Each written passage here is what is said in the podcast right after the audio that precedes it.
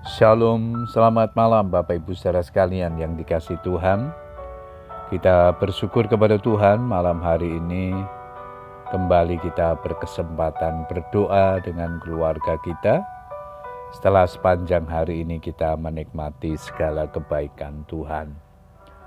Malam hari ini sebelum berdoa saya akan membagikan firman Tuhan yang diberikan tema Tuhan yang tidak dianggap ayat mas kita di dalam Yohanes 1 ayat 46, kata Nathanael kepadanya, Mungkinkah sesuatu yang baik datang dari Nazaret?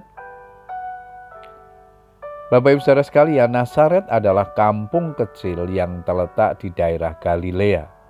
Di sanalah Tuhan Yesus tumbuh dan dibesarkan. Karena berasal dari daerah kecil, banyak orang meremehkan dan merendahkan Yesus. Bahkan ketika ia pulang kampung dan mengajar di rumah ibadat, orang-orang memandang sebelah mata. Mengapa? Karena mereka hanya tahu bahwa Yesus itu tak lebih dari anak seorang tukang kayu. Mereka kenal orang tuanya dan saudara-saudaranya, tetapi mereka tidak tahu siapa Yesus sesungguhnya dan dari mana ia datang. Begitu melihat Yesus mengajar, mereka takjub dan terheran-heran. Dari manakah diperolehnya hikmat itu dan kuasa untuk mengadakan mujizat-mujizat itu? Bukankah ia ini anak tukang kayu? Bukankah ibunya bernama Maria dan saudara-saudaranya Yakubus, Yusuf, Simon, dan Yudas? Dan bukankah saudara-saudaranya perempuan semuanya ada bersama kita? Jadi dari mana diperolehnya semuanya itu? Meraguan juga dikemukakan oleh Nathanael. Mungkinkah sesuatu yang baik datang dari Nazaret? Bagi manusia, Yesus sungguh tidak ada harganya dan dipandang sebelah mata bahkan ditolak di kampung halamannya sendiri. Seorang nabi dihormati di mana-mana kecuali di tempat asalnya sendiri dan di rumahnya. Matius 13 ayat 57. Karena ketidakpercayaan itu, tidak banyak mujizat yang Tuhan Yesus kerjakan di tempat asalnya.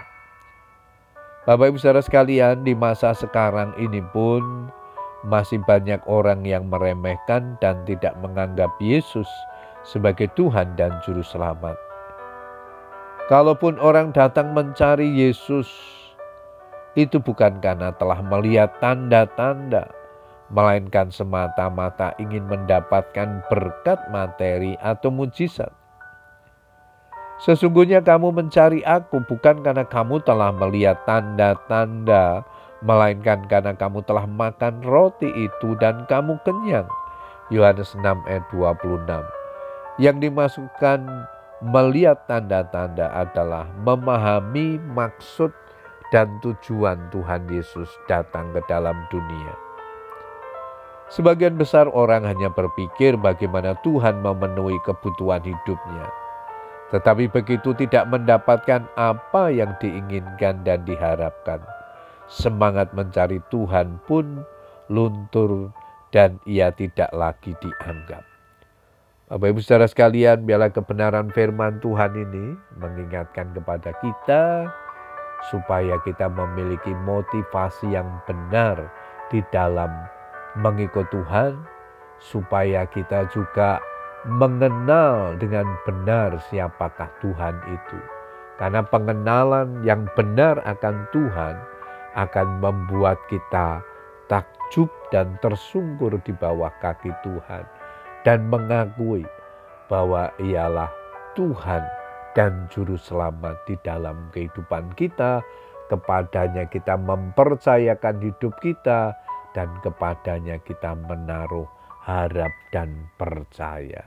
Puji Tuhan. Selamat berdoa dengan keluarga kita. Tetap semangat berdoa, Tuhan Yesus memberkati kita semua. Amin.